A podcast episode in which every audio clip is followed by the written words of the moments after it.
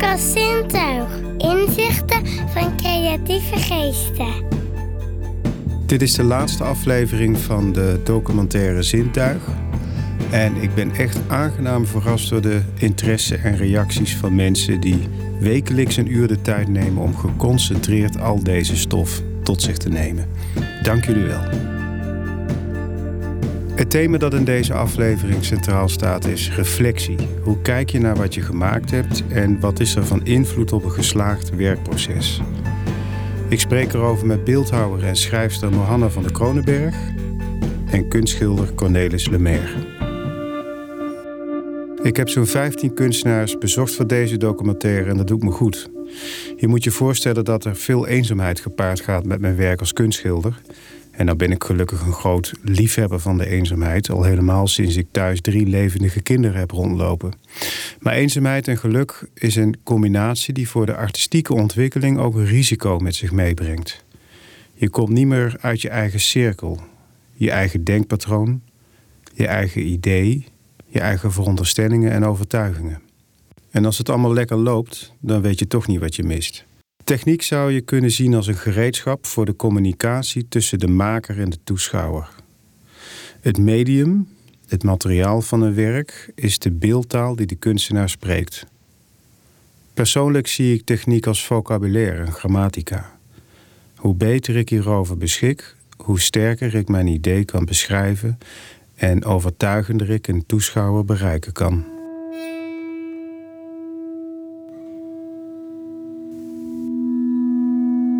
Schrijfster en beeldhouwer Mahanne van de Kronenberg besloot op haar vijfde helemaal niet meer te praten.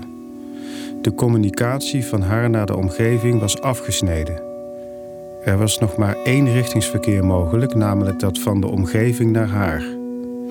Haar stotterprobleem vormde zo'n grote schaamte en frustratie dat ze er een geheim van maakte. Niemand mocht het weten. Dit geheim werd een groter probleem dan het stotteren zelf. Inmiddels is Mohanna bevrijd, zowel van de belemmering van het stotteren als de schaamte en frustratie. Deze bevrijding heeft te danken aan haar kinderboek Dodo, dat in mei 2022 uitgegeven werd door de vier windstreken. Leuk Wat wonen jullie mooi? Ja! En wie speelt de cello? Ik. Sinds wanneer? Beeldhouwer gaat het best als het hoofd er niet tussen zit. Maar als Mohanna schrijft, werkt ze weer wel vanuit het hoofd. Er moet nagedacht en geconstrueerd worden als ze aan een boek werkt.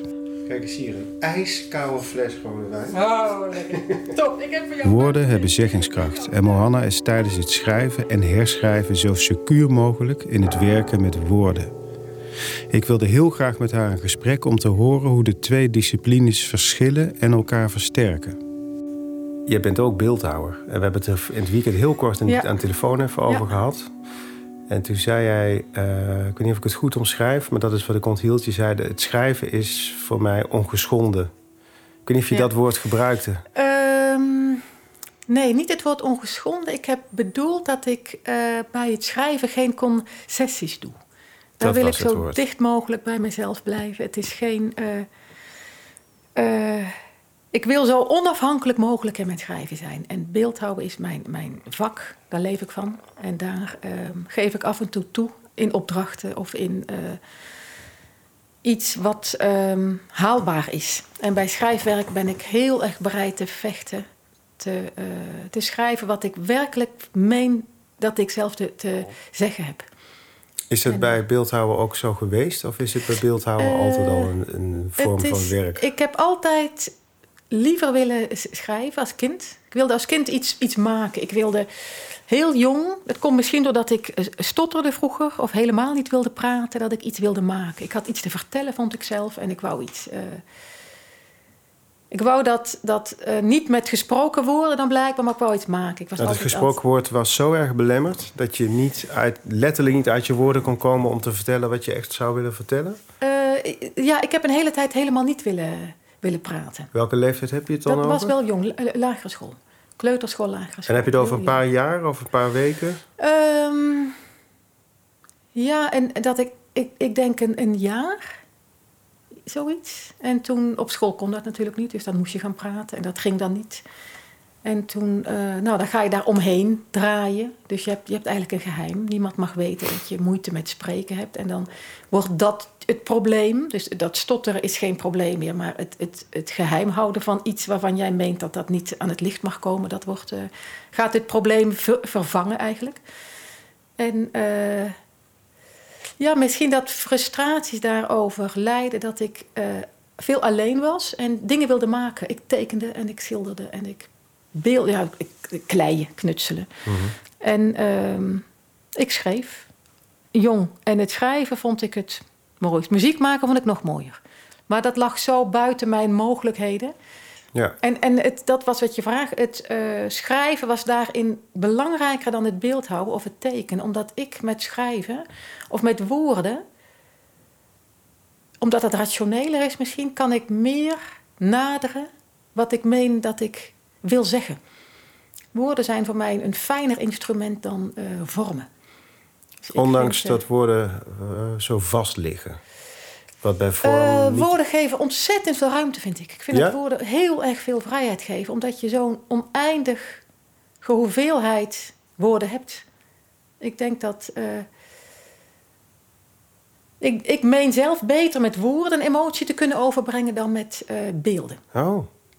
Terwijl als, je, als ik het vanuit beeldhouden, wat ik niet uh, doe, maar benader, dan kun je toch een vorm of een was ook eindeloos weghalen en toestoppen en veranderen. Terwijl een woord blijft toch een woord?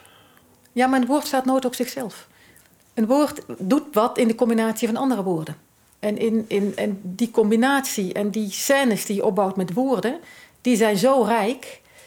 En bij een beeld heb ik alleen maar vorm en richting. Of um, massa en richting. En ik moet het doen met schaduw. Ik heb geen kleur. Ik heb geen structuur eigenlijk. In, als ik met was boetseer en als dat naar brons gaat. Dus ik moet enkel werken met uh, het, het, suggereren van schaduw. En dan is voor mij uh, de, de, de woorden, dus de, de, het, het idee wat je wil overbrengen met woorden, heb ik meer mogelijkheden, meer variaties. Kan ik dichter komen tot wat ik werkelijk zeggen wil dan met beelden. Het is anders. Het, ik zoek altijd wat is, wat is de overeenkomst eigenlijk. Want ik mhm. doe het beide. Ik vind het heel plezierig om uh, het af te wisselen. Ook uh, s morgens, ik wil schrijven in rust. Schrijven is voor mij heel rationeel en een heel geconcentreerd werk. Waarin ik uh, ook niet gestoord wil worden door anderen, door kinderen of door. Als ik iemand op de trap hoor, maak ik me al zorgen. Dus dan wil ik echt dat ik. Die afspraak is er ook, dan, dan komt er niemand hier. Um, omdat het schrijven rationeel is. Je kan, je kan niet direct vanuit je gevoel schrijven. Ik, daar geloof ik niet in. Wat je bij muziek misschien kan. Met muziek denk ik dat dat zou kunnen. En met beeldhouden ook. Met beeldhouden kan je werken met je lichaam zonder dat je nadenkt wat je aan het doen, doen bent. Dat kan met woorden niet. Je moet altijd blijven concentreren en blijven denken. Uh, omdat je dat hoofd daartussen hebt zitten. Ook een, een, beeld kan je onmiddellijk raken zonder dat je nadenkt waarom. Net als muziek kan dat nog makkelijker en geuren. Een boek niet. Een boek dat gaat altijd door je hoofd, want je moet die grammatica, je moet die woorden omzetten. Dat is uh, enerzijds jammer, maar het geeft je meer. Naar mijn idee heb je, geeft dat ontzettend veel mogelijkheden. En het, um, als ik beeld hou, mag iedereen mij storen. Dat vind ik helemaal niet erg. Ik ben bezig, ik zit in een soort fysieke en, uh, flow. Ja, als mijn kinderen tegelijk. langskomen, dan praat ik met ze en ik stop even en ik ga weer door. En dan ben ik niet uit mijn idee. Want de ideeën zijn niet rationeel.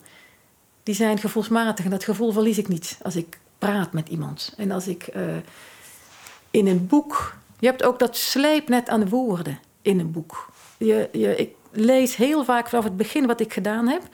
Om te voelen de scène waarin ik nu werk, hoe, hoe zwaar of licht of hoe voelt die ten opzichte wat ik gemaakt heb al. En bij een beeld overzie je dat continu.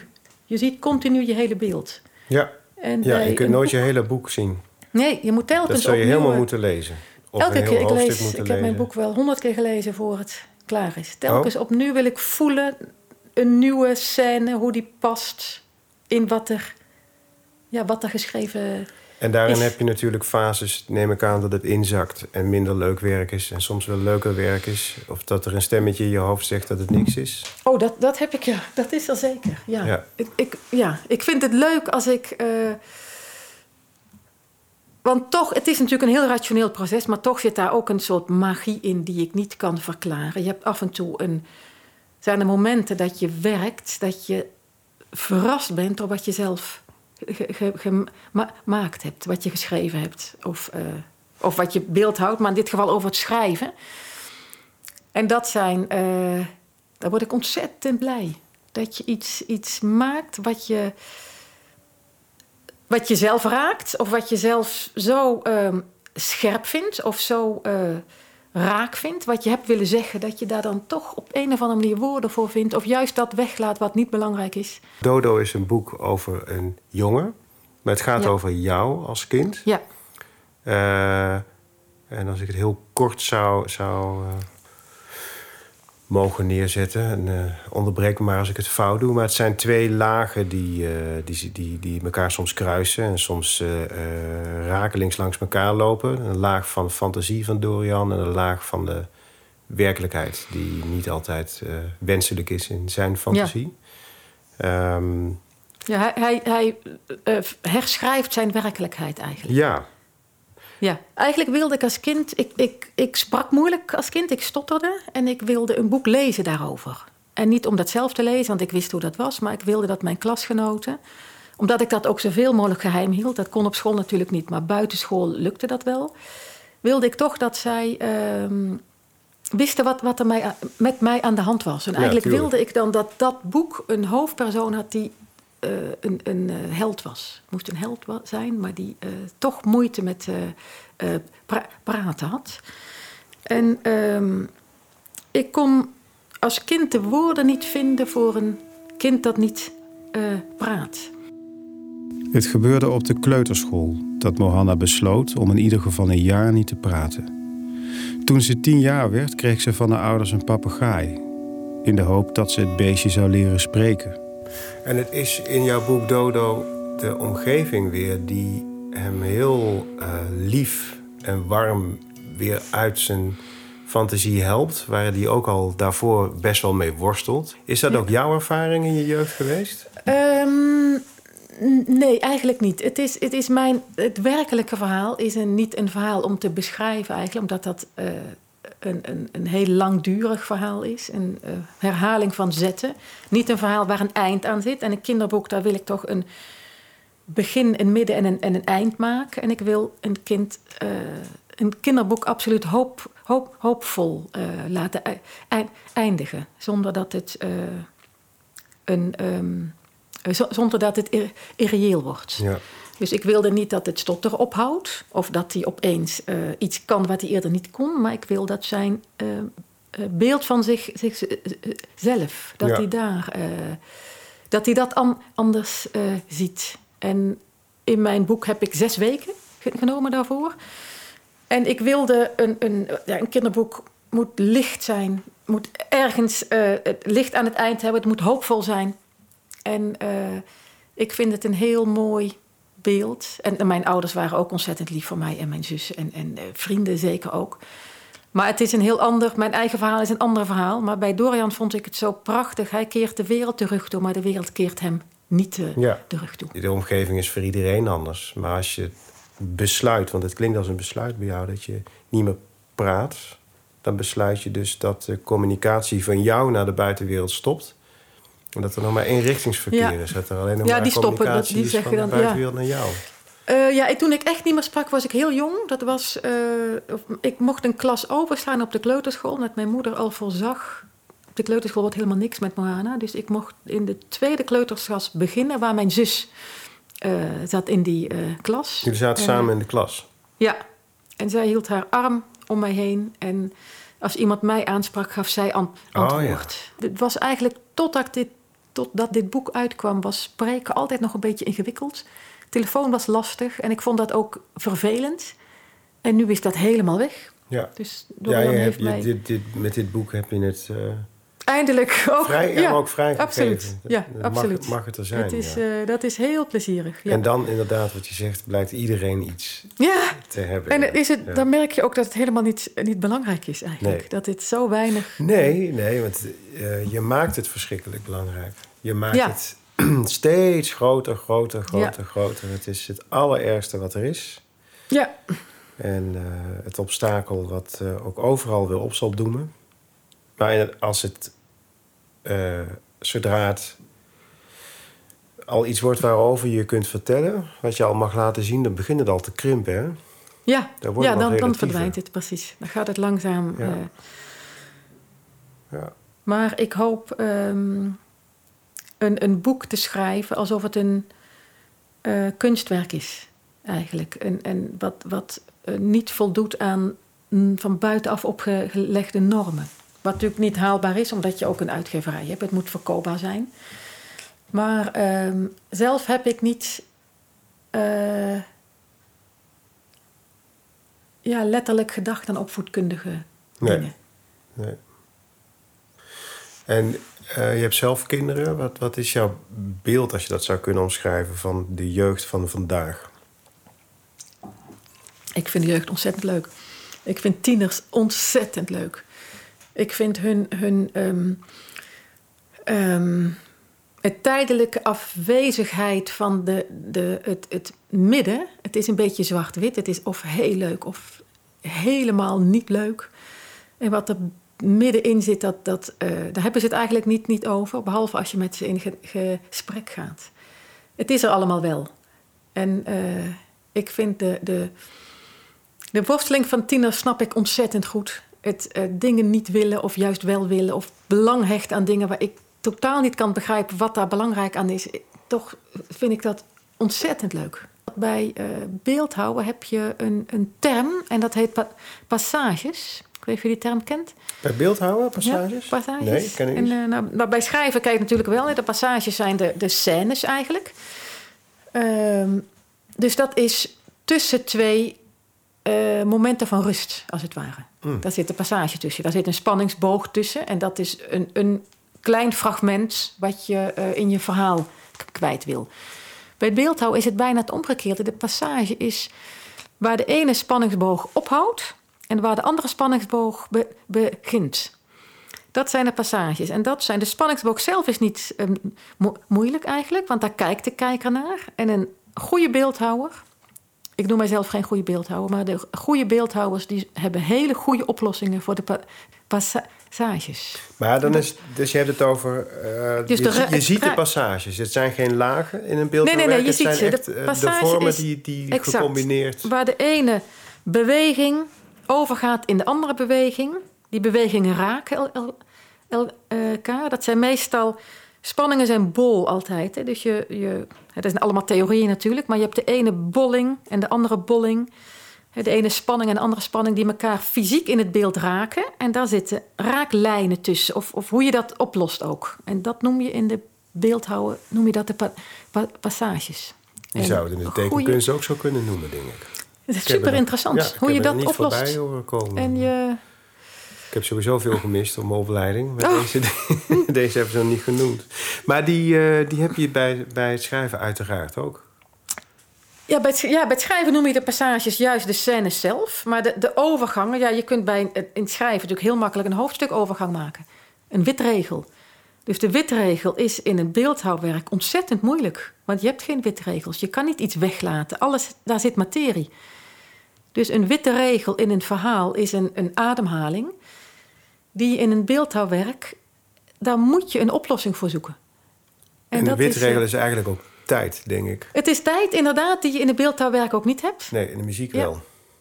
Ja, daar heb je, daar heb je Ja. ze ook. Ja. En, en een hoofdstuk eh, heb je een, een... Daar zit er nog meer tijd. Dan kun je een tijd, grote tijdsprong maken. Je kunt, Ja. Dus dat zijn de, de moeilijkheden van het, van het beeldhouden. ja. Wat eigenlijk wat ook een prachtig eh, vak is natuurlijk. Ehm, heb je een idee waar je het vandaan haalt? Want het boek is natuurlijk, wat je net zegt... eh, hoe zei je het nou? Dat is... ehm, je zei niet technisch, maar je zei... eh, je Ja. doet het 's ochtends in alle rust, want het is een... Ja, geconcentreerd. Geconcentreerd rationeel. Is bij, bij rationeel. Rationeel, ja. Heel, heel erg. Dat construeer je echt.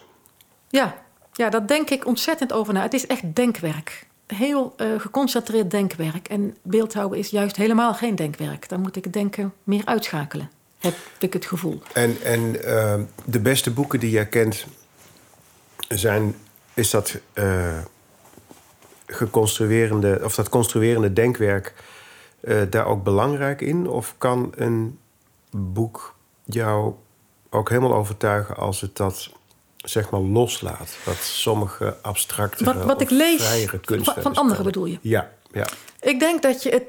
De bedoeling is dat je dat niet, niet ziet. Ik denk dat een heel los, vrij werk van een kunstenaar met heel veel concentratie en inspanning gemaakt kan, kan zijn. Ik, ik geloof niet zo in het. Um, de inspiratie zo vrij op het papier en dan er weinig aan doen en niet schaven, dat dat puur is. Ik, dacht, ik geloof dat niet. Ik denk dat iets wat heel puur is, dat daar heel lang aan gewerkt kan zijn. Omdat je hoofd daartussen zit. Je moet toch werken daaraan. Uh, dus ik, ik kan niet zien hoeveel iemand gewerkt heeft. Ik, ik ben overtuigd dat elk boek, wat ik in elk geval heel goed vind, dat daar ontzettend veel werk aan Dat zit daarin. Dat... dat zit erin. En je, je voelt het niet. Nee. Of ik, ik, als ik het lees, dan soms ben ik zo uh, verrast door een wending waarvan ik denk, nou, die, die, ja, daar moet iemand, dat kwam niet zomaar uit de lucht vallen. Daar moet hard aan gewerkt zijn. Maar uh, dat komt dat ik zelf schrijf, dat ik mij die vragen stel. Maar als je het leest, zou je het niet moeten voelen eigenlijk. Dan moet je het gemak voelen. En de, dat is misschien het denkwerk. Dat je bij de lezer de moeilijkheden weghaalt. Het klinkt als iets wat veel complexer is dan een dan beeldhouden of schilderen. Ik, ik vind het ontzettend moeilijk. Nou ja, schilderen vind ik ook moeilijk, omdat je daar de derde dimensie weg moet werken. Beeldhouden is makkelijk. Dat is, de wereld is 3D, een beeld is 3D. Dus je, je doet iets wat logisch voor een mens is. Het, het klopt. Je maakt iets, ook als je niet uh, figuratief werkt, maar iets abstracts werkt. Je, onze wereld is driedimensionaal en je creëert iets wat driedimensionaal is. Daar, daar zit geen, niks ingewikkelds in. Maar schilderen is alweer een stuk complexer, omdat je iets tweedimensionaals maakt. En dus iets wegwerkt, ja, dat zeg je nou. Daar heb ik nooit bij stilgestaan. Ja, dat telkens moet je oplossingen zoeken. Dat, dat, verwerk je inderdaad. En daarmee werk je het weg, ja. Dat had ik nog niet gezien. Wat dus- voor rol heeft een uitgever bij jou dan? Als je zoiets construeert? Nou, ja, de uitgever is in wezen de, de um, brug tussen de, uh, tussen de schrijver en de lezer. Zonder en hoe begint het? Heb je geen lezer. Hoe is het bijvoorbeeld bij Dodo begonnen? Eh, is, is zo'n uitgever een, eh, een kennis van je geworden? Iemand met wie je... Mijn redacteur is, is zo dierbaar en zo belangrijk. Uh, ik, ik wil alles met haar uh, maken. Ik vind haar ontzettend goed. Ze begrijpt mij, ik begrijp haar. We kunnen snel en efficiënt werken. En um, ze houdt van mijn werk. Dat is belangrijk natuurlijk. Uh, en het wordt er altijd be be beter van. Je zei aan de telefoon dit weekend tegen mij dat, uh, dat schrijven, daarin wil je geen concessies doen, zoals je dat wel doet uh, voor je beeldhouwwerk. Uh, maar kritiek komt ook veel harder aan als je schrijft dan bij je beeldhouwwerk. Bij mij wel. Ik, bij anderen misschien niet. Ik, ik ken ik bijvoorbeeld. Uh, nee, dat is weer een ander verhaal. Jeroen Krabbe, wou ik zeggen, die op zijn schilderwerk helemaal geen kritiek kan hebben. En oh, nee? op zijn acteerwerk wel. Oh ja? Ja, vond ik heel opvallend. Ik zou denken, acteerwerk is persoonlijker. Dus kritiek is daar lastiger mee om te gaan. Maar voor hem is dat niet zo. Ik vind inderdaad, omdat ik aan het schrijfwerk uh, toch zoveel meer uren werk. En ik, ik ben misschien een, uh, een langzame schrijver. Daar zit zo ontzettend veel tijd in en zoveel denkwerk. En zo perfect probeer ik te zeggen wat ik op de manier waarop ik dat wil, wil zeggen. En als iemand dat dan uh, daar kritiek op heeft, dat accepteer ik natuurlijk, want uh, iedereen uh, mag daar iets van vinden. Maar um, Dat kan een beetje lastig zijn soms. Maar is dat emotioneel lastig? Of, uh, want het klinkt alsof je het lastig vindt omdat je denkt van... oh mijn god, ik moet het weer helemaal om gaan gooien. Um, als ik iets moet omgooien waar ik het niet mee eens ben... is dat ontzettend lastig. Maar dan moet ik het eerst uh, daar echt mee eens zijn. Ik moet met de, de kritiek die er is mij zo eigen maken... dat ik denk dat dat uh, zo wordt dat het mijn eigen kritiek op mijn eigen werk zou, zou kunnen zijn. En dan pas kan ik het aan, aanpassen. En uh, bij beeldhouden is dat anders. Als ik een opdracht maak van, ik maak een hond bijvoorbeeld nu. Mensen die willen graag een, een hond. En zij willen uh, dat die poten een beetje anders staan. Nou, dan ga ik die poten een beetje anders maken. En dan heb ik niet het gevoel dat ik iets moet doen wat niet klopt of wat ik niet wil zeggen of wat niet past bij mij. Dan, ik wil de klant blij maken ook. En ik wil wel een, een mooi beeld maken, een mooie hond. Maar als zij uh, dat anders willen, dan, dan is dat voor mij helemaal geen, uh, geen ding eigenlijk. En in schrijfwerk, als je daar een karakter moet veranderen of een. een, een, een um, hoe iemand reageert op, op iets. Dat is. Uh, dat gaat mij na aan het hart. En dat is moeilijker om dat anders te doen. Hoe bewaak je dat dan? Of bewaak je het niet eens? Ja, ja dat bewaak ik zeker. Ja, dat, uh, ik probeer heel zorgvuldig bij voorbaat na te denken... waarom doe, doe, doe, doe, doe ik wat ik uh, doe? En waarom uh, schrijf ik wat ik uh, schrijf. Zodat ik. Uh, zodat er geen, geen uh, gekke, in, inconsequente dingen in zitten. Dat een uitgever zegt: ja, maar dat kun je wel zo willen, maar de lezer. Hè, dat je dat soort vragen. Het klinkt alsof je het al indekt, die, die kritiek. Uh, dat ik zo zorgvuldig ben dat het. Um, ja, het, het, is, het is. Nou, indekken Indekken zou zijn dat je um, iets wil handhaven.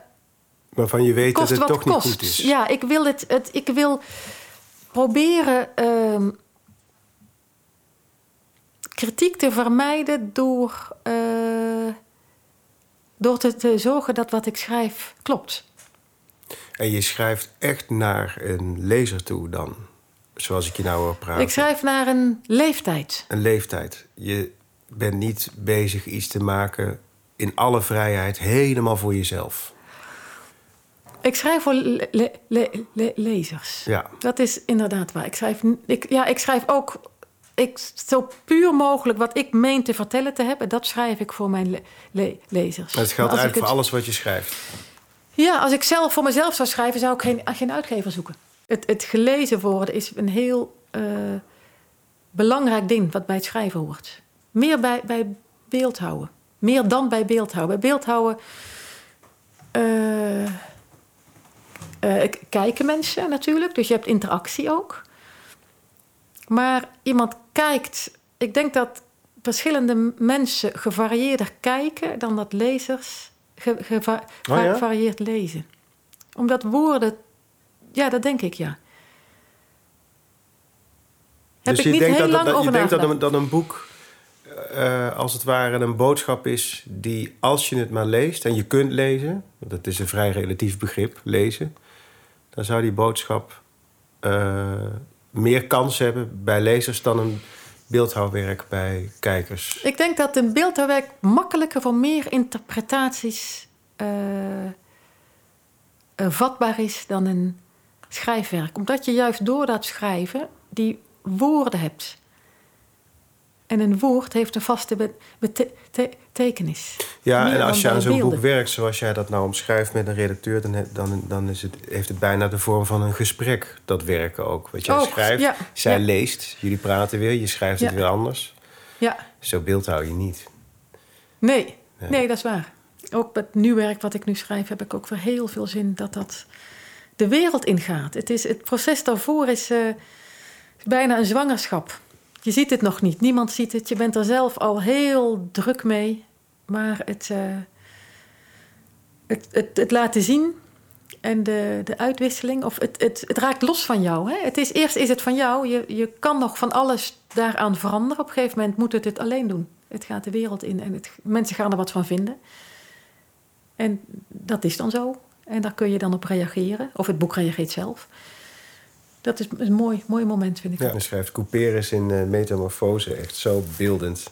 Dat hij daar als een berg tegenop zit, ziet tegen die, dat gedeelte van het hele proces. Dat het de wereld in gaat en dat het niet meer van jou is. En niet zozeer uit angst voor kritiek of wat mensen ervan zullen vinden, maar dat het ook sterft. Ja. Want het boek leeft zolang jij schrijft. Ja. En eigenlijk breng je daarna een dood wezen. Ja, ik kan me dat helemaal voorstellen. Dat het, het, leven transformeert dan in een, in een, interactie tussen het boek en de mensen. Maar het boek is eigenlijk een aandenken aan wat jij hier allemaal hebt zitten doen aan deze tafel.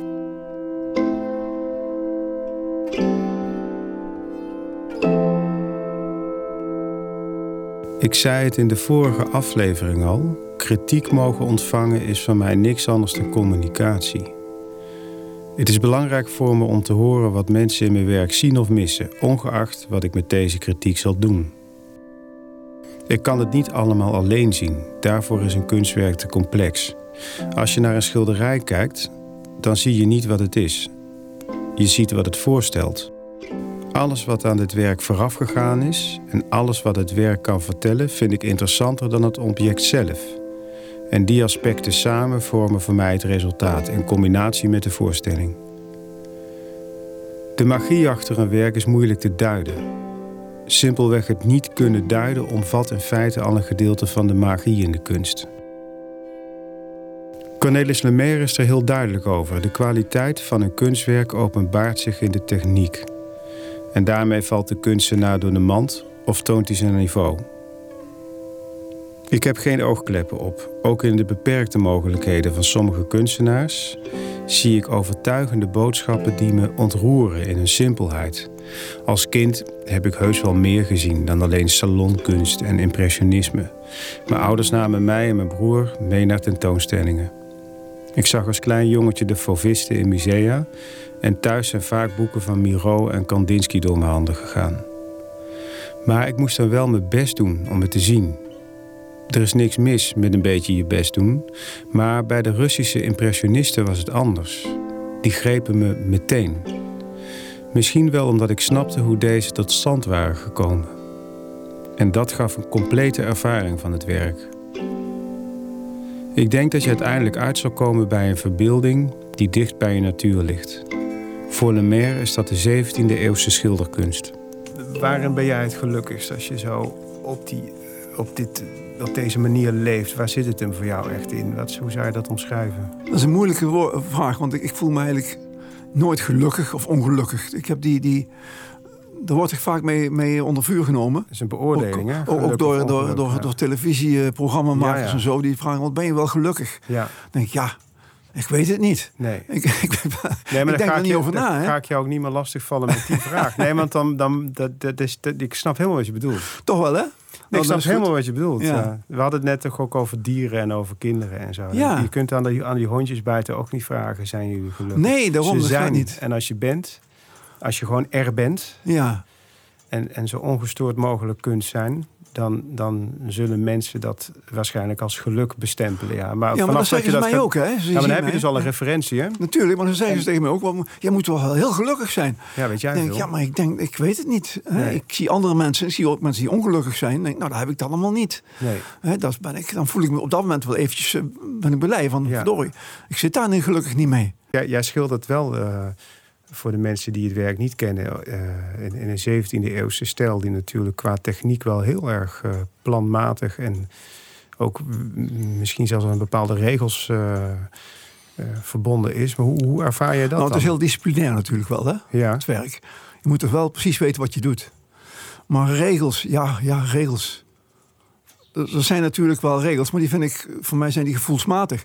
Ik ga niet over een bepaalde regel als, het, als, ik, van, als ik dan denk, dat ding wordt er lelijker van. Dat noem ik dan een regel. Dus als je een, een, compositie maakt, moet die voor mij evenwichtig zijn. En daar zijn wel regels voor, maar ja, daar heb ik me nooit aan gestoord. Ik bedoel, die, die ken ik nauwelijks. Ik weet natuurlijk wel al die dingen hè, van uh, de guldensnede en al die, die dingen, maar ja, ik werk er niet mee.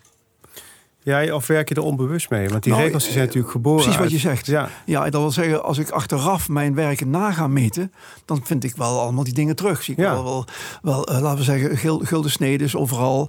Ik zie de, de, de, de bepaalde de diagonale, de, de, de horizontale, verticale, zie ik er allemaal in zitten. ja, Maar dat is voor mij gewoon bijna intuïtief.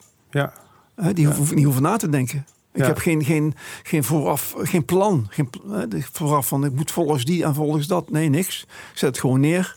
En ik zie daarin in, in één keer eh, achteraf een, een radiale compositie. Eh, ik, ja, dat, dat kennelijk. ja. Maar, en, en die doet het goed. Maar Ja. het doet op gevoel. Op ja zo gevoel. zijn regels waarschijnlijk ook ontstaan natuurlijk. Voor de Ik mensen het die het niet gevoelsmatig kunnen. Net zoals Ja, de, ook de, de, de regels gewoon voor de hele samenleving. De- de- Ja, precies. Ja, ja, Eh, dat is eigenlijk eh, is, is het hele in principe alleen voor de gevallen waarbij het niet vanzelf goed gaat. Dan moet je, moet je terug gaan grijpen naar eh, de juristen. En, en, Zeker. En, ik verbaas me er soms over. Dat je bijvoorbeeld zegt iemand, als God niet bestaat, mag alles. Oh ja. Ik denk, ja, hè, is dat voor, voor, voor kletskoek? Even later spreken we over Lemaire's grote voorbeelden. Over hun werk en hun leven. Bach heeft veel kinderen verloren, maar Lemaire hoort er niks van terug in zijn werk. En toen Rembrandt de Nachtwacht schilderde, had hij net zijn echtgenote verloren. In hoeverre beïnvloedt zijn situatie het werk van de kunstenaar? Werk en leven staan tot op zekere hoogte los van elkaar, stelt Cornelis. Ik denk dat het zo niet werkt. Nee? Nee, nee, nee, nee, nee beslist Het niet. staat los van elkaar in ik die denk het volledig. Ja, hè? Ik denk, je bent kunstenaar, dat wil zeggen, je maakt schilderijen. En daarnaast leef je. Maar dat gaat niet met elkaar op. Tenminste, niet zo op die manier, niet emotioneel. Nee. Dat werkt niet Ik snap namelijk. wat je bedoelt, ja. Tenzij je auto, autobiografisch... Nee, ook niet als je autobiografisch werkt. Want je schrijft natuurlijk niet als je schrijver bent... ter plekke al openbaar Natuurlijk over niet. de Je kunt nee. niet droevig schrijven. Hoe, moet Nee. dat, hoe moet ik dat dan voorstellen? Nee, dat doe je pas als je het deels verwerkt hebt. Ik denk En dat mensen, dus, het- dus bijvoorbeeld mensen die een, een, een heel emotioneel boek schrijven, Ja. dat ze dat heel erg goed overdacht hebben allemaal. Ja. En dat gewoon precies zo in elkaar zit. Nou, die, als je dit, deze regel schrijft, dan gaan de mensen aan het huilen, weet je wel? Ja, ja. Zo denk ik dat het werkt. Ja, dan heb je het al eh, gedeeltelijk opgeruimd. En alles wat daarvoor gebeurt, daar kan hooguit de, de, de psycholoog wat mee. Maar de, de doorsnee lezer, die Nou, gaat en je kunt ook niet, natuurlijk eh, wel een, droe- bedroeve, een droevige gebeurt- gebeurtenis uit je eigen leven beschrijven. Maar op dat moment ben je dan niet meer bedroefd. Nee, Anders kun je het toch niet schrijven? nee. Dat gaat niet. Dan moet je toch eh, behoorlijk... eh, dat doe je met, met je cognitieve vermogen. Ja, En dan, dan ga je niet zitten janken. Dat, kun je niet schrijven. nee. Nee, zelfs de hele rock and roll denk ik inderdaad. Die, die, die, die gebruikte niet voor niks Nee, drank en, en, en drugs om die staat weer... nee dat zoeken. is allemaal... Het is- het is allemaal eh, fake Klopt, natuurlijk. Ja. Dat is, zonder meer. Het is allemaal maar eh, window, dressing. zeg ze. Ja, ja. Kun jij zeggen of iets goed gemaakt heeft? Nou, ik zie wel natuurlijk een verschil tussen werk wat, ik, wat een beetje eruit steekt. Wat ik zeg, nou, daar heb ik me echt... eh, eh, nou, dat is allemaal, allemaal goed, goed gegaan. En ook wel stukken, nou ja, daar heb ik een beetje stroef gegaan allemaal. En ik heb daar eh, mijn best gedaan. Ik heb altijd wel, wel gedaan wat ik kon. Maar dan kom je ook eh, aan je plafond. Mhm. En dat kan. Mhm. Ik ben geen Rembrandt, ik ben geen, geen, geen Rubens. Ik ben, eh, daar ben ik Die, niet. die, die konden door een plafond heen, hè? nou, in ieder geval, hij had een veel hoger plafond. Of die hadden een hoger plafond. Ja. Dat is het. Misschien hadden ze gewoon een hoger plafond in. Ja. ja. Misschien wel een glazen plafond. Maar dit klinkt wel als dat jij dus kunt beoordelen... wat ik zelf dus volgens mij niet goed kan. Dat je... Dus jij, jij zegt eigenlijk van...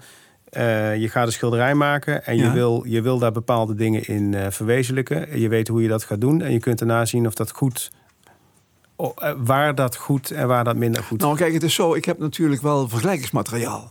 Kijk, ik kijk naar een schilderij van Willem Kalf, bijvoorbeeld. Hè? Ja, we Dan net zie ik, dat vind ik wel zo geniaal. Ja, Dan denk ik, ja, kon ik maar ooit zo'n schilderij maken? ja. En dan kijk ik naar mijn, e- naar mijn, mijn eigen stukken. Dan denk ik, ja, ik, ken het niet, ik kan het niet beter. Maar, maar het, is, het is natuurlijk niet, niet dat, ik krijg niet hetzelfde gevoel als bij, bij zijn werk. Dan, dan voel ik me echt gewoon als het ware omhoog schieten. Dan denk ik, Ja. van, jezus, dat, dat is wel zo geniaal. Ja. Om dat bij elkaar zo neer te zetten en zo te passen en dan zo te schilderen. Dan, dan, dan, eh, dat, dat lukt mij dan niet. Nee. Ik moet daaronder blijven. Dus ik bedoel, mensen zeggen vaak: kom op, Sam, jij kunt toch schilderen en je kunt dat. Ik denk, ja, projecteer mij in die tijd en dan ben ik een kleine jongen. Oh ja. Ja, ja, ja, ja. Ja, sommige schilders zijn zo waanzinnig intelligent. Dat je inderdaad ziet dat ze op al die aspecten Ja, allemaal zeker. een verschrikkelijk hoog niveau hebben. Terwijl Ja, ik vind het normaal ja, dat je op twee van de acht aspecten een verschrikkelijk hoog niveau hebt. En dat die andere zes nog steeds dingen blijven waar je aan blijft schaven. Maar er zijn er inderdaad.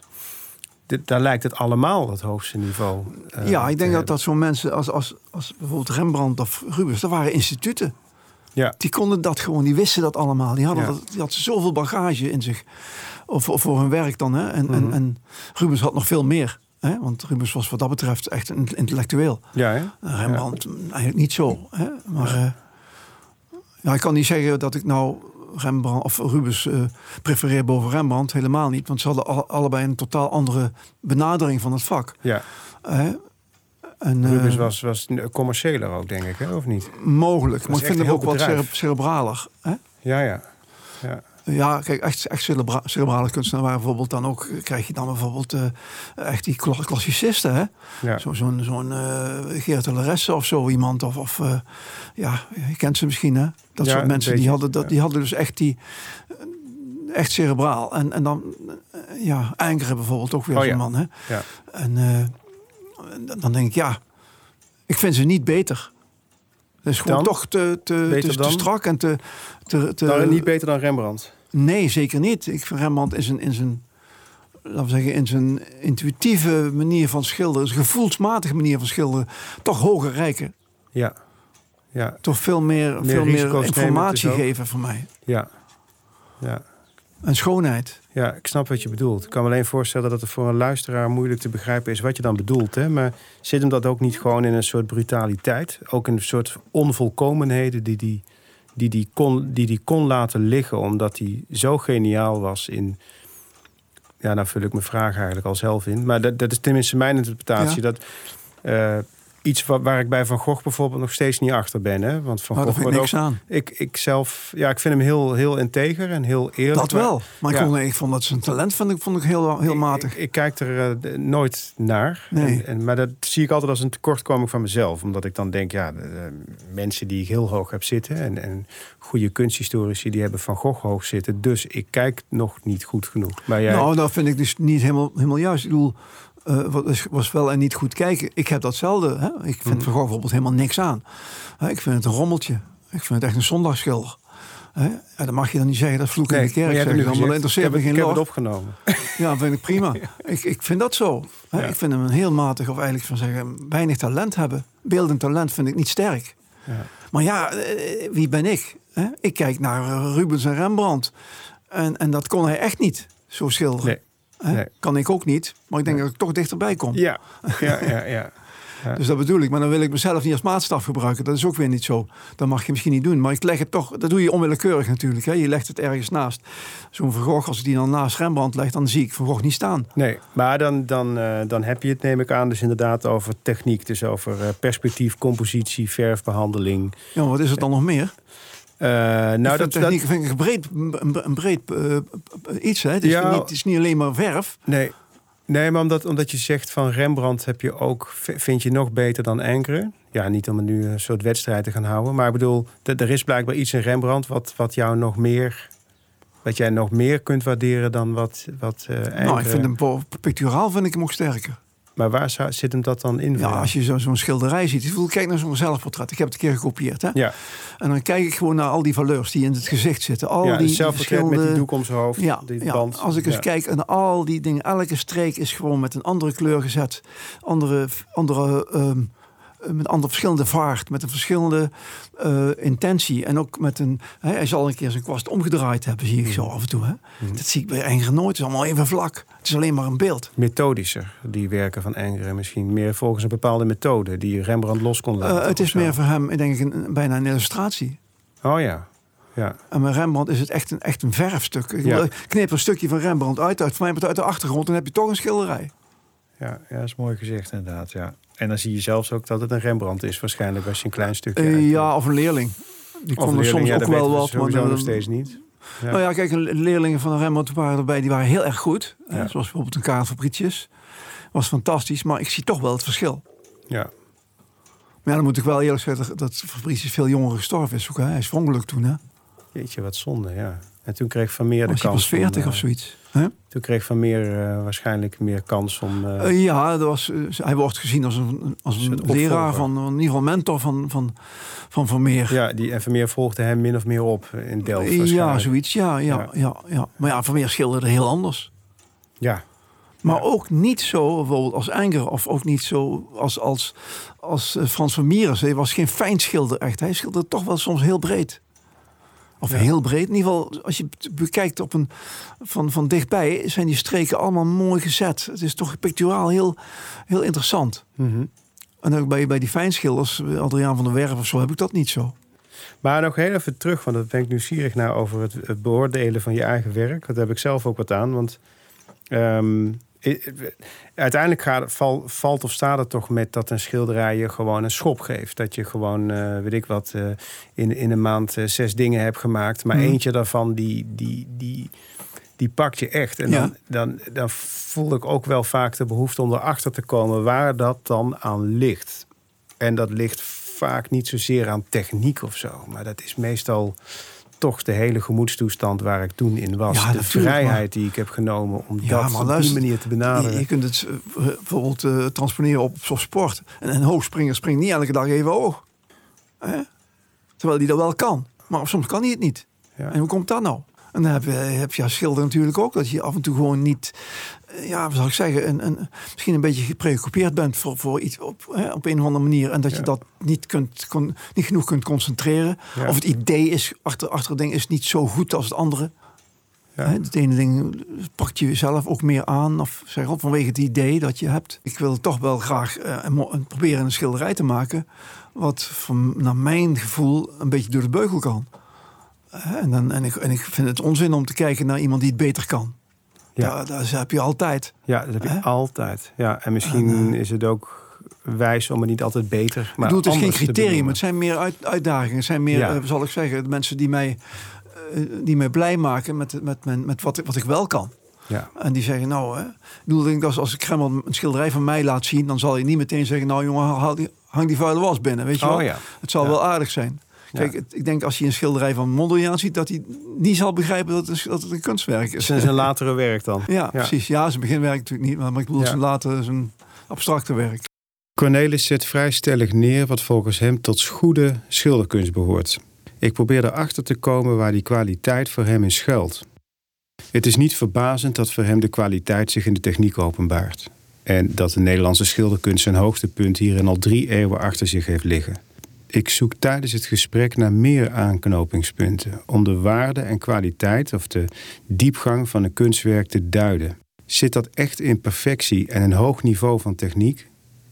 Dat betwijfel ik. En zo komen we op Congo. Congo was een chimpansee en schilderde meer dan 400 schilderijen. In de media werd hij wel de Cézanne onder de apen genoemd. De antropoloog Desmond Morris, die Congo in de jaren 50 achter een schilderzezel aan het werk zette, exposeerde de schilderijen van de chimpansee om aan te tonen dat een aap ook gevoel voor kunst kan hebben. Nou ja, ik heb dat stuk gelezen van Desmond Morris over, over die zijn, die aap van hem uit de dierentuin, die dan zo mooi kon schilderen, zogenaamd. Die maakte echt, eh, laten we zeggen, expressionistisch gezien heel, heel knap, knap werk. Dus met, met mooie, mooie, mooie bewegingen erin en mooie, toch wel een aardige compositie eigenlijk. Redelijk evenwichtig. Hè? Ook met kleuren, daar had hij wel gevoel voor, zal ik haast zeggen. Hè? Maar ja, hij kon natuurlijk niet een portret schilderen over zijn leven. Dat is natuurlijk onzin. Het was al, altijd abstract. En uh, ja, dan zit je dus eigenlijk. Ja, en ook de mensen dus die het moesten beoordelen en die niet wisten dat het van een aap was, die konden niet zeggen van. Uh, wat wel, of, of het wel, of, of het, of het, uh, ja, het was gewoon een goed schilderij, vonden ze. Ja. Echt prachtig.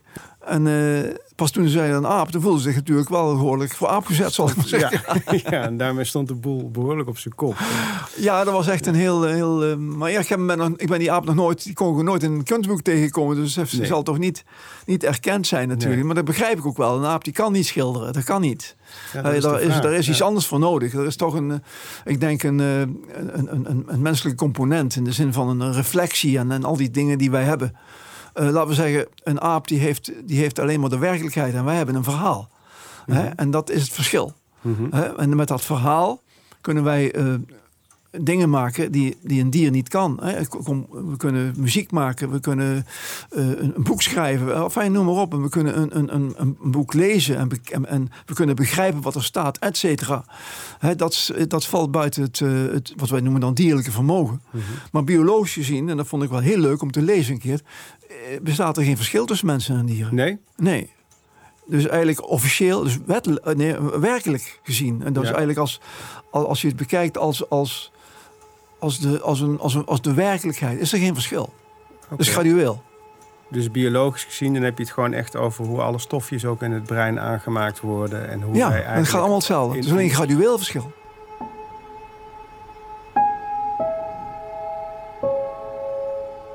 Het ontroert me dat een aap meer dan 400 schilderijen maakte.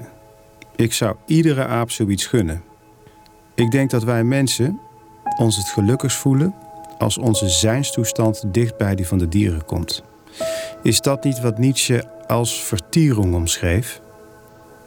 We zijn het nog niet vastgestelde dier zonder ons leven te beoordelen volgens een vastgesteld ideaal. Ervaren we dat niveau niet wanneer we ons mee laten nemen in concentratie tijdens het creëren van kunst? Dat zou een paradox zijn, omdat er geen enkel dier is dat ervoor kiest om kunst te maken. Dieren steken hun tijd en energie volgens mij in nuttige bezigheden. In tegenstelling tot de dieren willen en kunnen wij reizen in de tijd, fantaseren en reflecteren. Wat zou Congo ervaren hebben tijdens het produceren van honderden prachtige schilderijen? Eén ding had Congo met ons gemeen: de mooiste dingen ontstaan vanzelf. Zolang het hoofd er niet tussen zit, maar het hele proces in overgave vanzelf gestuurd wordt, kan het eerlijkste en sterkste werk geboren worden. Nee, ik zoek er ook wel eens naar, naar een definitie van kunst. Eh, ik merk dat mensen het dan, als mensen kunst gaan definiëren, dan hebben ze het al gelijk over een soort kwaliteit of een soort niveau waar, waar, waar het deel van uit moet maken. ja, maar vaak vanuit een zelf geredeneerd. je vanuit een zelf geredeneerd. Ja, maar ga dus een universele definitie verzinnen. Dat lukt je niet. Ja, ik denk, ik denk wel eens dat alles wat gemaakt wordt. eh, zonder de bedoeling dat het een functie heeft. En zonder Ja. de bedoeling dat je het kunt gebruiken. maar dat je het maakt omdat je het vanuit liefde. vanuit een soort gevoel voor schoonheid maakt. Ja? Zou, dat zou in een categorie kunst kunnen vallen. Ja, maar dan praat dat je is, toch- Dat is mijn, mijn Maar dat is toch een heel subjectieve eh, benadering? Het is heel subjectief. Alleen ik scherm het dan wel af naar een gebied wat dus ophoudt bij gebruiksvoorwerpen, bij functionele. Ja, dat vind ik ook. Maar of, het, hoeft dus niet, het hoeft dan dus niet goed te zijn. Het hoeft niet, eh, zoals je mensen hoort praten, kunst met een grote K en zo. Ja, ja. Nee, maar dat, dat is ook vaak heel eh, ook subjectief. Gewoon is zomaar een oordeel, willekeurig. Maar daar heb je mij nog geen definitie van gegeven. Nee, Dat gaat ook niet. nee, dat is moeilijk. Het is, het- moeilijk. ik, heb, ik heb gezegd, de kunst is een idee. Ja, dan zit je al dichter bij. Wat ik doe is het inderdaad meer afkaderen waar kunst een plek zou kunnen Ja. hebben. Ja, maar daarmee Maar het is een geef ik nog geen mij. definitie inderdaad. Ja. En eh, met, met idee heb ik ook nog niet steeds niks gezegd. Nee, Het is een idee, net als God of zoiets. Hè? Er Ja. zijn ideeën. ja, En daar kun je in geloven. Je kunt er van alles mee doen. Maar het blijft een idee. Ja, Toch? ja een filosofie. Hm? Of, een filosofie. God, eh, ik, ik kan me voorstellen dat God, tot zover ik me dan in verdiept heb, ik ben er niet zo mee opgegroeid, maar Ja.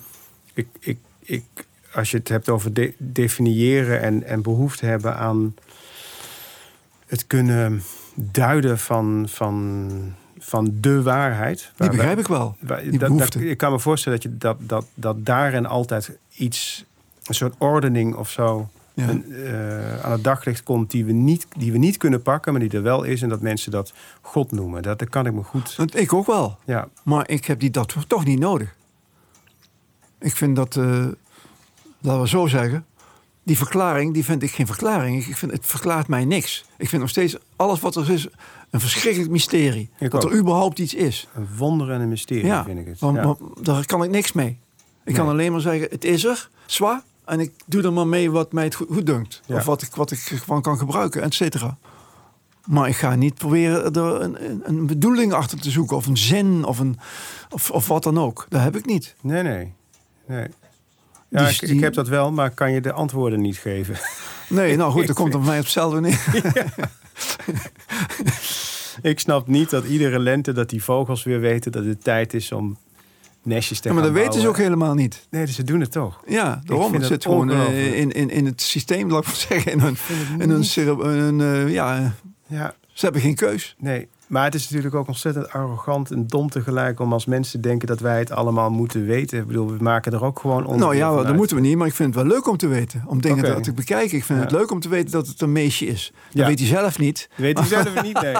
Maar ik vind het leuk om, te, om hem toch te duiden, om hem toch Ja. te, uit elkaar te houden en om die dingen toch allemaal te benoemen. En, en, en noem maar op. Hè. Dat, dat, dat vind ik dat, dat brengt me dichterbij. Ja, die dingen. Het zijn voor mij niet zomaar dingetjes die er zijn, zo heel, heel slordig. Dat vind ik niet leuk. nee. Ik wil het allemaal bekijken en ik wil ze begrijpen, zou ik maar zeggen. Ja, Ja. op mijn manier, uiteraard. Bijvoorbeeld, ik zie straks, eh, ehm, dus nou nog niet, maar straks gaan komen de eerste noten. En dan komen de eekhoorns. Oh, hoe weten ze dat nou? Ja, hoe weten ze dat nou? Ja. Die dingen die kun je niet ruiken, inderdaad. Nee, Nee. maar ze zijn er wel. Ik probeer nog een keer om Cornelis te laten spreken over de andere aspecten dan het technische aspect. We praten over zijn landgoed en grote huis. Alles is door hem ontworpen en gebouwd, behalve alle details die niet esthetisch zijn. Die vindt hij te gemakkelijk. Uitdagingen moeten moeilijk genoeg zijn om aan te gaan. Een gasleiding aanleggen is daarom niet voor aan weggelegd, daar laat hij iemand voorkomen. Als ik een verband trek met de schilderkunst, komen we toch vrij snel weer te spreken over een hoog technisch niveau om de ware esthetiek te laten schitteren in een schilderij. Een schilderij hoeft niet vernieuwend te zijn, zegt hij. Vernieuwende kunst is soms zelfs een illusie.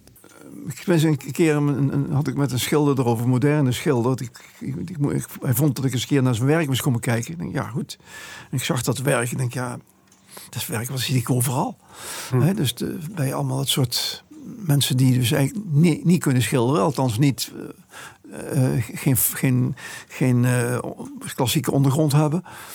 En die dan zo vanuit een gevoel, vanuit zoiets, een spontaniteit, gewoon iets op, het, op een doek zetten. Zoals die aap eh Congo. Ja, bijvoorbeeld. En dan denk ik, ja, dan dacht ik nog niet aan die aap, maar dan denk ik van nou, ja, maar weet je wat het is? En dat, dat noemden ze dan nieuw, hè, vernieuwend, want dat was toen nog mijn groot, het grote woord op de Ja. academie.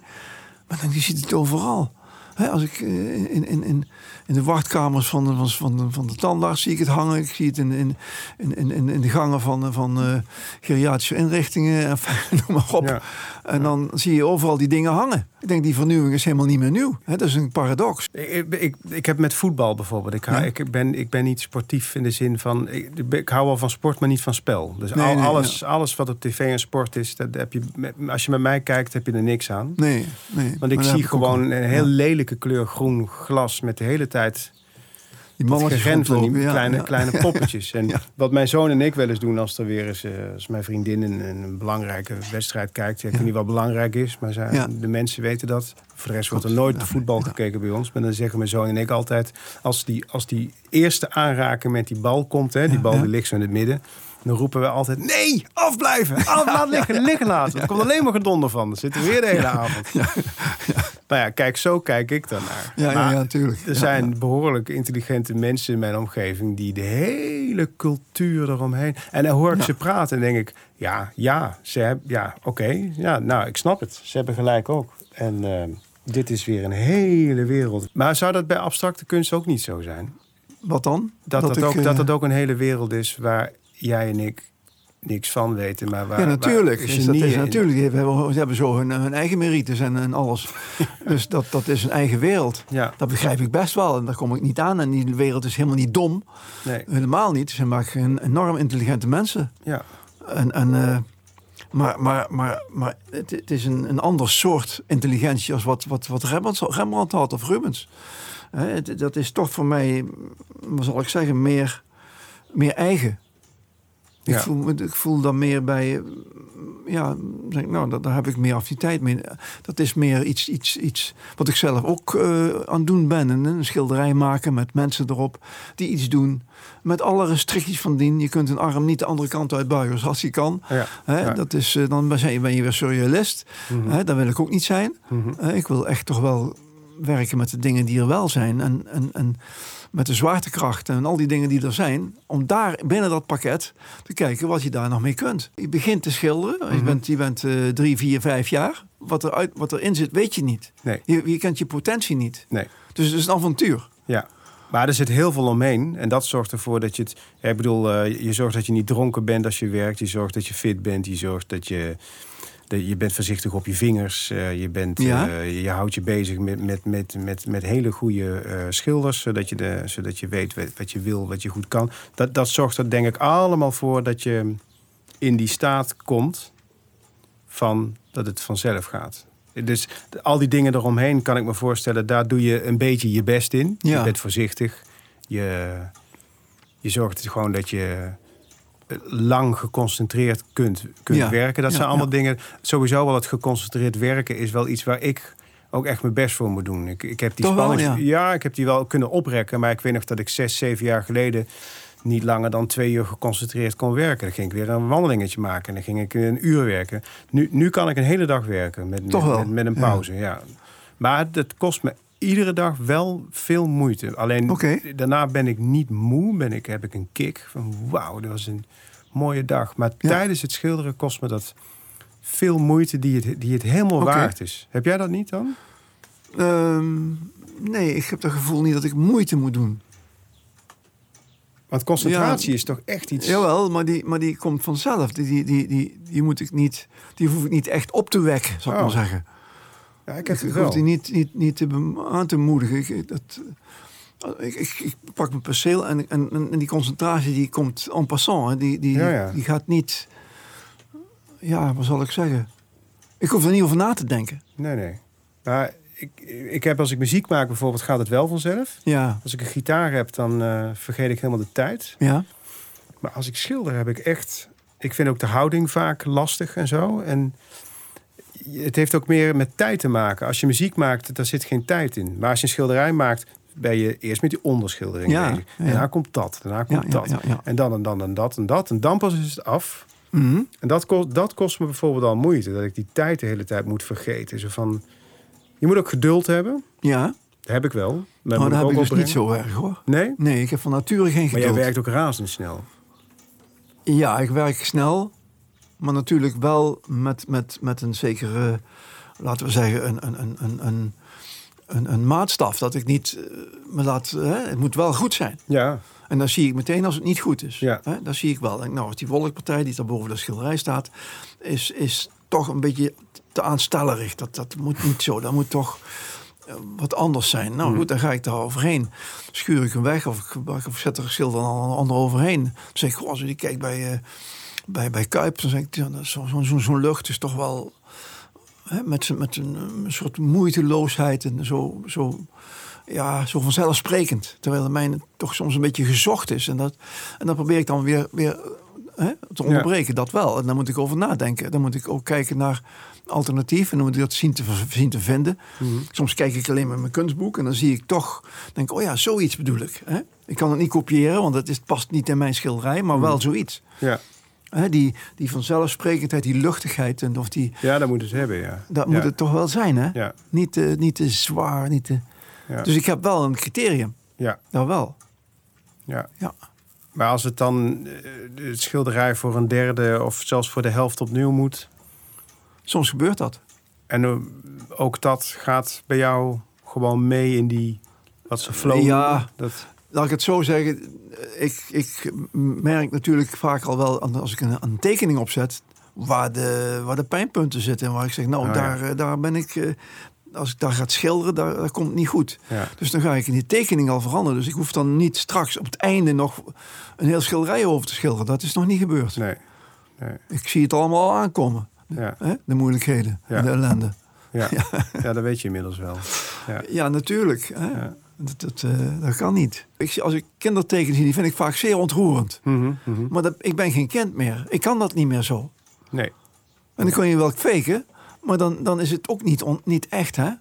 Nee, nee. Ja, tenzij het misschien wel echt is. En misschien zien mensen dat en Picasso, geen idee. Ik, Ik weet het ook niet, maar ik zeg altijd, zo komt het mij over. Ik, ik zie daar, ik zie daar iets, iets, toch iets onechts in wat dat betreft. Ja, ik zie bij jou gewoon hoe jij je leeft, zie ik Ja. iets heel echts. Ja, En ik ken eh, mensen die twintig jaar jonger zijn dan jij... en die Ja. zitten echt alleen maar op de bank tv te kijken... kruiswoordpuzzels ja, op te lossen... En, en te kijken hoe ze zo goedkoop mogelijk bij de supermarkten aanbiedingen...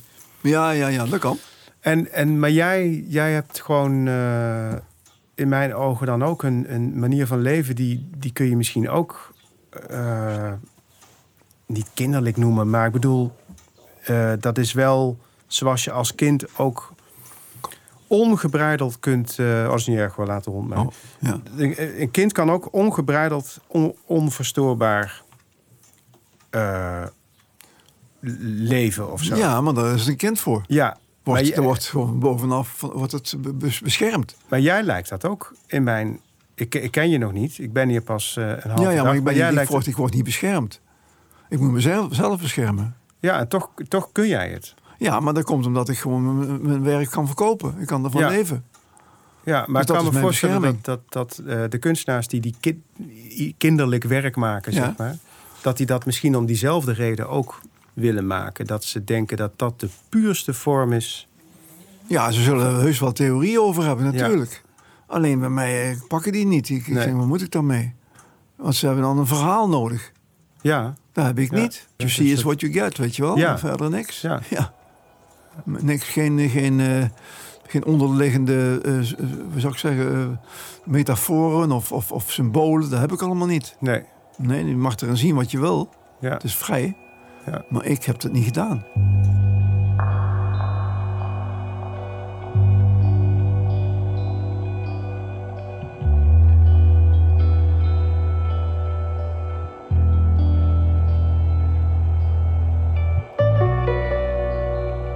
Wat voor mij in de twee gesprekken van deze laatste aflevering naar voren kwam, is iets wat ik in alle gesprekken terug hoorde komen. Schat, Ja? ze zijn met de waterpistolen bezig, Ja? Maar dan in de keuken. Ah, nee. Kan je even helpen? Ja, ik, ik, ik kom naar beneden. Ik maak het heel even af. Eh, ik ga afronden. Ehm, de beste werken ontstaan vanzelf. Je denkt er niet bij na. En als je te erg je best zou doen, dan zou je het alleen maar forceren. Het is een soort afstemmen op een niveau waarin je helemaal ontvankelijk en in totale overgave bent. Op dat moment komt het tot stand als je de volle concentratie vasthoudt. Wat je voor en na dat moment doet, kan onder andere reflectie zijn en wellicht een hele kleine invloed op je werk hebben. Maar tijdens het werken zelf is de kunst de baas. Dankjewel voor je interesse in deze podcast. Ik wil de kunstenaars ook bedanken die de tijd namen om met me te praten over hun werk. Zonder hun medewerking was deze documentaire dan nooit geweest. De techniek, montage, teksten en muziek waren van mezelf en de tune werd ingesproken door mijn dochter Roosmarijn. Vind je deze documentaire interessant, dan mag je hem doorsturen naar anderen. Heel graag zelfs.